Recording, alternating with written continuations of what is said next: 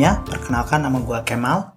Uh, gue sebagai pengisi podcast ini sendiri.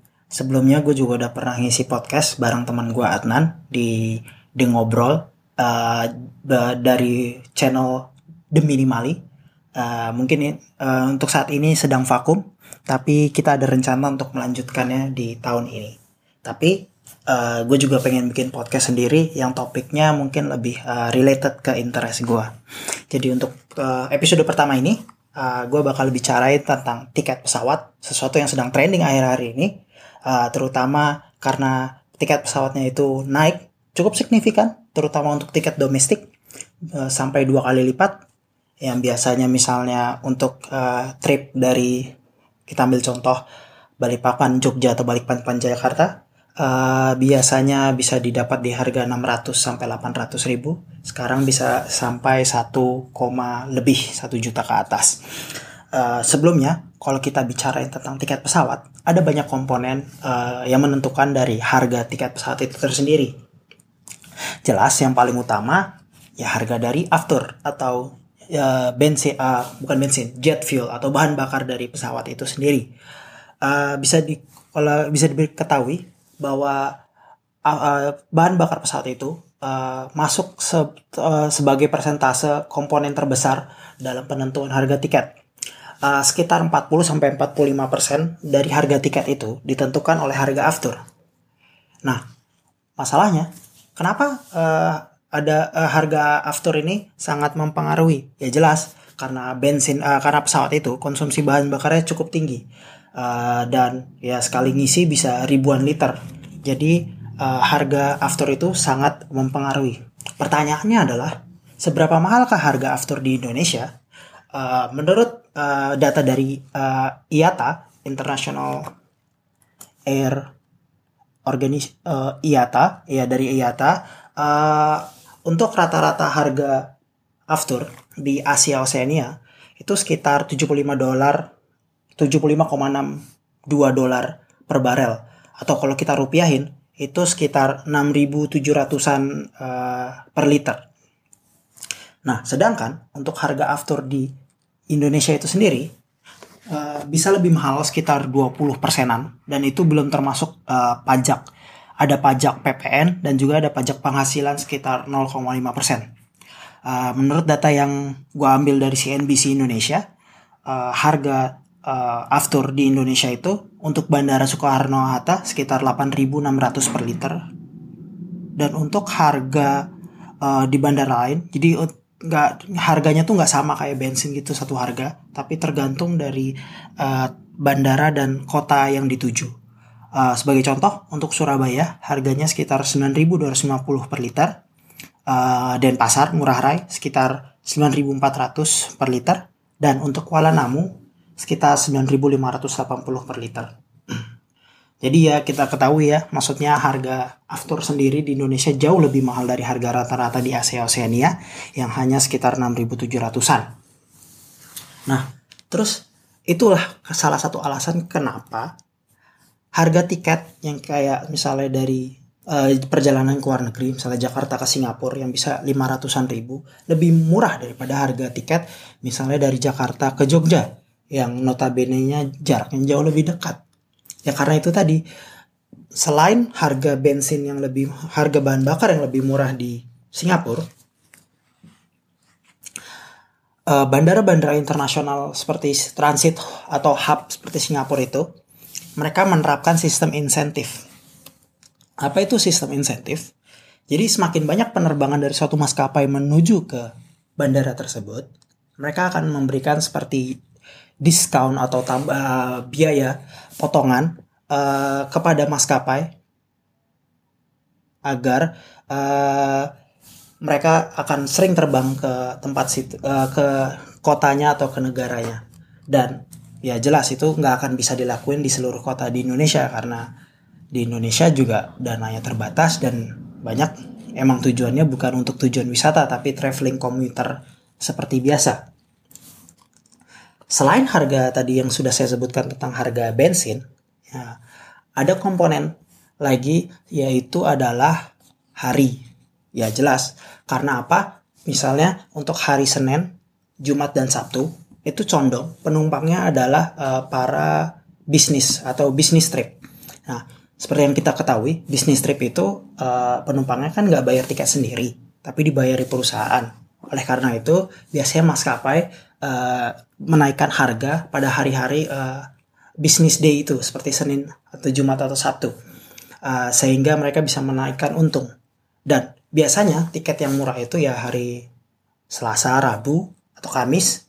Karena uh, biasanya uh, di situ adalah hari-hari seperti like uh, low season. Ya kayak low day dari seminggu itu hari-hari uh, itu adalah kayak low. Jadi ya uh, bukan uh, untuk bisnis dan target market mereka di hari-hari itu adalah untuk turis selain hari uh, ada komponen lain yang mungkin jarang kita ketahui yaitu kelas tiket kalau kalian pernah beli tiket langsung ke website dari maskapai, biasanya uh, ada kelas-kelas tiket uh, yang terdaftar di dalamnya.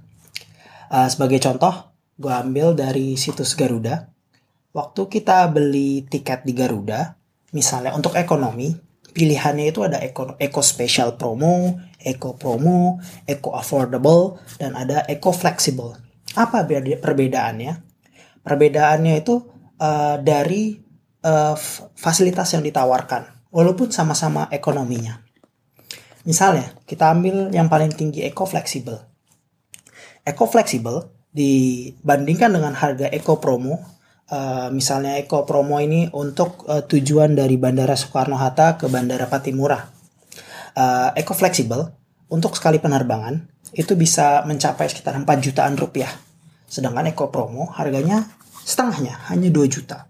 Terus kan kita bingung, loh kenapa? Kan sama-sama ekonomi, sama-sama duduknya di tempat yang sama, kenapa harganya bisa lebih mahal? Ada kelebihan di Eco Flexible. Yang pertama, Eco Flexible uh, memberikan uh, fasilitas uh, seperti namanya fleksibilitas. Biasanya tiket ini diambil ke untuk orang-orang yang jadwalnya sangat fluid atau sangat dynamic oh, seperti contohnya kayak bisnismen yang harus tiba-tiba uh, hari uh, apa terbang lebih cepat atau terbang lebih lama uh, lebih lama dari jadwal yang ditentukan. Nah, dengan kalian membeli eco flexible ini, uh, kalian bisa lebih mudah untuk mereschedule jadwal penerbangan kalian tanpa harus mendapat uh, membayar biaya tambahan. Berbeda dengan eco promo misalnya yang uh, harus membayar biaya tambahan dalam uh, penukaran atau penggantian schedule. Selain itu, mungkin uh, ada posisi duduk yang khusus seperti misalnya duduk yang di depan jadi saya lebih cepat untuk keluar dan misalnya yang di daerah uh, emergency exit yang leg roomnya lebih besar dari eh, kursi-kursi uh, lainnya itu juga mempengaruhi dari uh, harga tiket itu untuk full service ya jadi, seperti yang kita tahu, ada full service dan low cost carrier. Dua jenis maskapai ini uh, juga menentukan dari harga tiket yang kita bisa ambil. Uh, sebenarnya apa sih maksudnya low cost carrier itu? Uh, kenapa dia bisa murah dan kadang-kadang kenapa dia juga bisa mahal? Uh, sebenarnya low cost carrier itu sendiri bukan berarti tiket yang kita beli akan selalu lebih murah dari uh, tiket pesawat full service. Ada di beberapa kejadian bahkan dengan uh, fitur atau fasilitas yang hampir sama diberikan oleh uh, maskapai full service, uh, harga dari maskapai low cost carrier ini jauh lebih mahal dari full service. Sebenarnya filosofi dari low cost carrier itu sendiri adalah maskapai itu dia mengkat spending yang tidak yang bisa dihilangkan atau pengeluaran yang bisa dihilangkan yang bisa diefisiensikan demi mengurangi biaya operasional yang nantinya akan mengurangi harga tiket atau uh, you get what you paid. Jadi istilahnya kalau kita naik sebuah maskapai low cost carrier, kalau kita mau naik pesawat atau beli kursinya, ya kita cuma bayar kursi. Kita nggak harus bayar bagasi, kita nggak harus bayar makanan, dan kita ya mungkin tidak harus membayar kenyamanan. Kenapa kenyamanan? Karena biasanya low cost carrier akan memilih bandara yang jauh lebih murah dari uh, maskapai full service. Apa yang dimaksud dari jauh lebih murah? Jauh lebih murah biasanya bisa dia uh, kita anggap sebagai seperti biaya parkir pesawat. Karena setiap bandara memiliki biaya parkir pesawatnya masing-masing. Oleh karena itu, uh, kalau kita misalnya pernah uh, perjalanan dengan low cost carrier, saya ambil contoh misalnya ke Kuala Lumpur, uh, bandara uh, khusus uh, low cost carrier ada di Terminal 2 Kuala Lumpur di Kalia 2. Kenapa? Bisa kita lihat perbedaan dari Kalia 2 dan Kalia 1 itu sendiri. Kalia 1 uh, bandaranya lebih dekat ke mana-mana dan banyak fasilitas yang ditawarkan seperti ada buggy car dan uh, makanan yang di dalam juga lebih eksklusif banyak barang-barang duty free bandingkan dengan Kaelia 2 yang terminalnya sangat panjang jauh memerlukan banyak jalan memerlukan jalan kaki yang cukup lama. Bisa 15 menit sampai 20 menit dari gate imigrasi sampai ke gate kita akan naik pesawat. Atau misalnya bisa ambil contoh lagi uh, ke Thailand. Ada bandara Suwarna Bumi dan Don Muang yang kita tahu uh, kalau kita naik Thai Airways akan tidak akan sama mendaratnya dengan saat kita menaiki Air Asia. Oleh karena itu uh, faktor itu salah satunya yang membedakan adalah full service dan low cost carrier dan juga yang mempengaruhi komponen harga tiket dari fasilitas mereka. Selain itu, kalau kita perhatikan terkadang ma maskapai low cost carrier itu suka uh, efisien sekali. Misalnya mbak-mbak mbak-mbak atau petugas check-in, petugas check-in itu yang di saat kita kedatangan, saat kita check-in bagasi dan check-in tiket, uh, biasanya dihilangkan untuk maskapai low cost carrier. Jadi mereka tidak memiliki uh, check-in desk seperti maskapai full service dan banyak yang memberikan uh, fasilitas self uh, check-in. Biasanya mereka hanya memiliki counter khusus untuk uh, memasukkan bagasi. Selain itu, uh, bisa kita lihat juga terkadang uh, petugas yang makan petugas boarding bisa jadi adalah pramugari dari pesawat yang kita akan naiki. Karena apa? Karena uh, dari komponen itu maskapai bisa memotong sekitar 3 atau 4 posisi uh, orang yang digaji sehingga bisa mengoptimalkan lagi uh, biaya operasional. Selain yang uh, tadi saya katakan perbedaan antara maskapai uh, full service dan low cost carrier, uh, yang membuat harga mereka jauh lebih murah lagi, salah satunya adalah dari efektivitas penggunaan pesawat. Uh, kalau kalian perhatikan, saat kalian membeli uh, tiket di maskapai low cost carrier, akan sangat sulit untuk menemukan penerbangan dengan waktu uh, penerbangan multi multiple city, misalnya uh, ingin ke Jakarta ke Perth, uh, mereka tidak akan memiliki biasanya direct flight Jakarta ke Perth, tapi harus transit dulu di Bali, Bali lalu ke Perth. Kenapa? Uh, karena Selain jaraknya yang jauh, mereka juga melakukan efisiensi dengan koneksi mereka yang lebih banyak dari full service. Banyaknya koneksi, uh, banyaknya penerbangan adalah salah satu cara mereka uh, meminimalisir uh, uh, pendapatan, tapi meningkatkan uh, banyaknya customer yang memakai maskapai mereka. Oke, okay. selain itu, maskapai uh, low cost carrier, mereka dengan koneksinya yang banyak, mereka akan mengoptimasi mengoptimalkan uh, num, uh, number of flight time. I mean, it's like uh, mereka mengoptimalisasikan uh, pesawat itu akan selalu terus terbang. Jadi mereka akan minimalisir uh, waktu pesawat di ground atau di darat.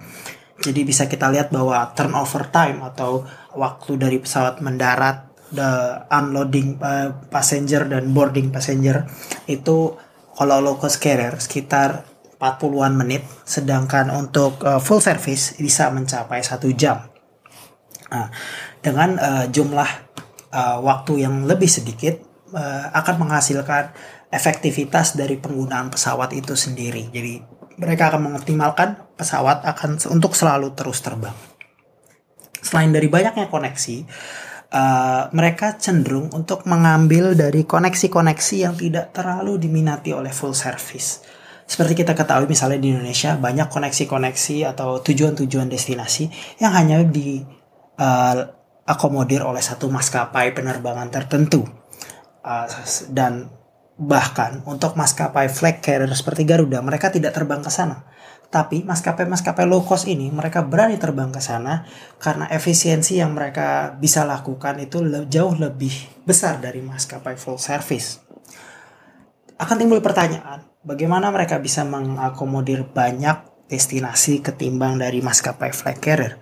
Kalau kalian perhatikan, uh, maskapai-maskapai low cost seperti AirAsia dan Lion Air, mereka memesan pesawat baru dengan jumlah besar. Sekali pemesanan bisa 200 unit, 300 unit. Dengan pesanan yang jumlah besar itu, uh, maka pabrikan pesawat Boeing atau Airbus akan memberikan diskon yang lebih besar.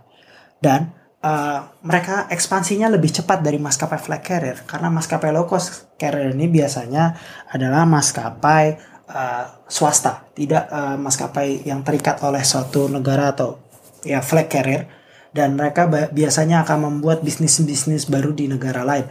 Seperti contoh Lion Air punya Malindo di Malaysia, punya Thai Lion dan untuk di dalam negeri sendiri mereka punya Batik dan ya Lion dan Wings. Bandingkan dengan Garuda yang hanya memiliki Garuda dan maskapai low cost carrier mereka Citylink yang kalau kita lihat dari persaingannya masih uh, jauh di bawah Lion Air yang uh, cover it, apa konektivitasnya 50% dari total uh, jumlah uh, no penerbangan di Indonesia. Jadi 50% destinasi di Indonesia diakomodir oleh Lion Air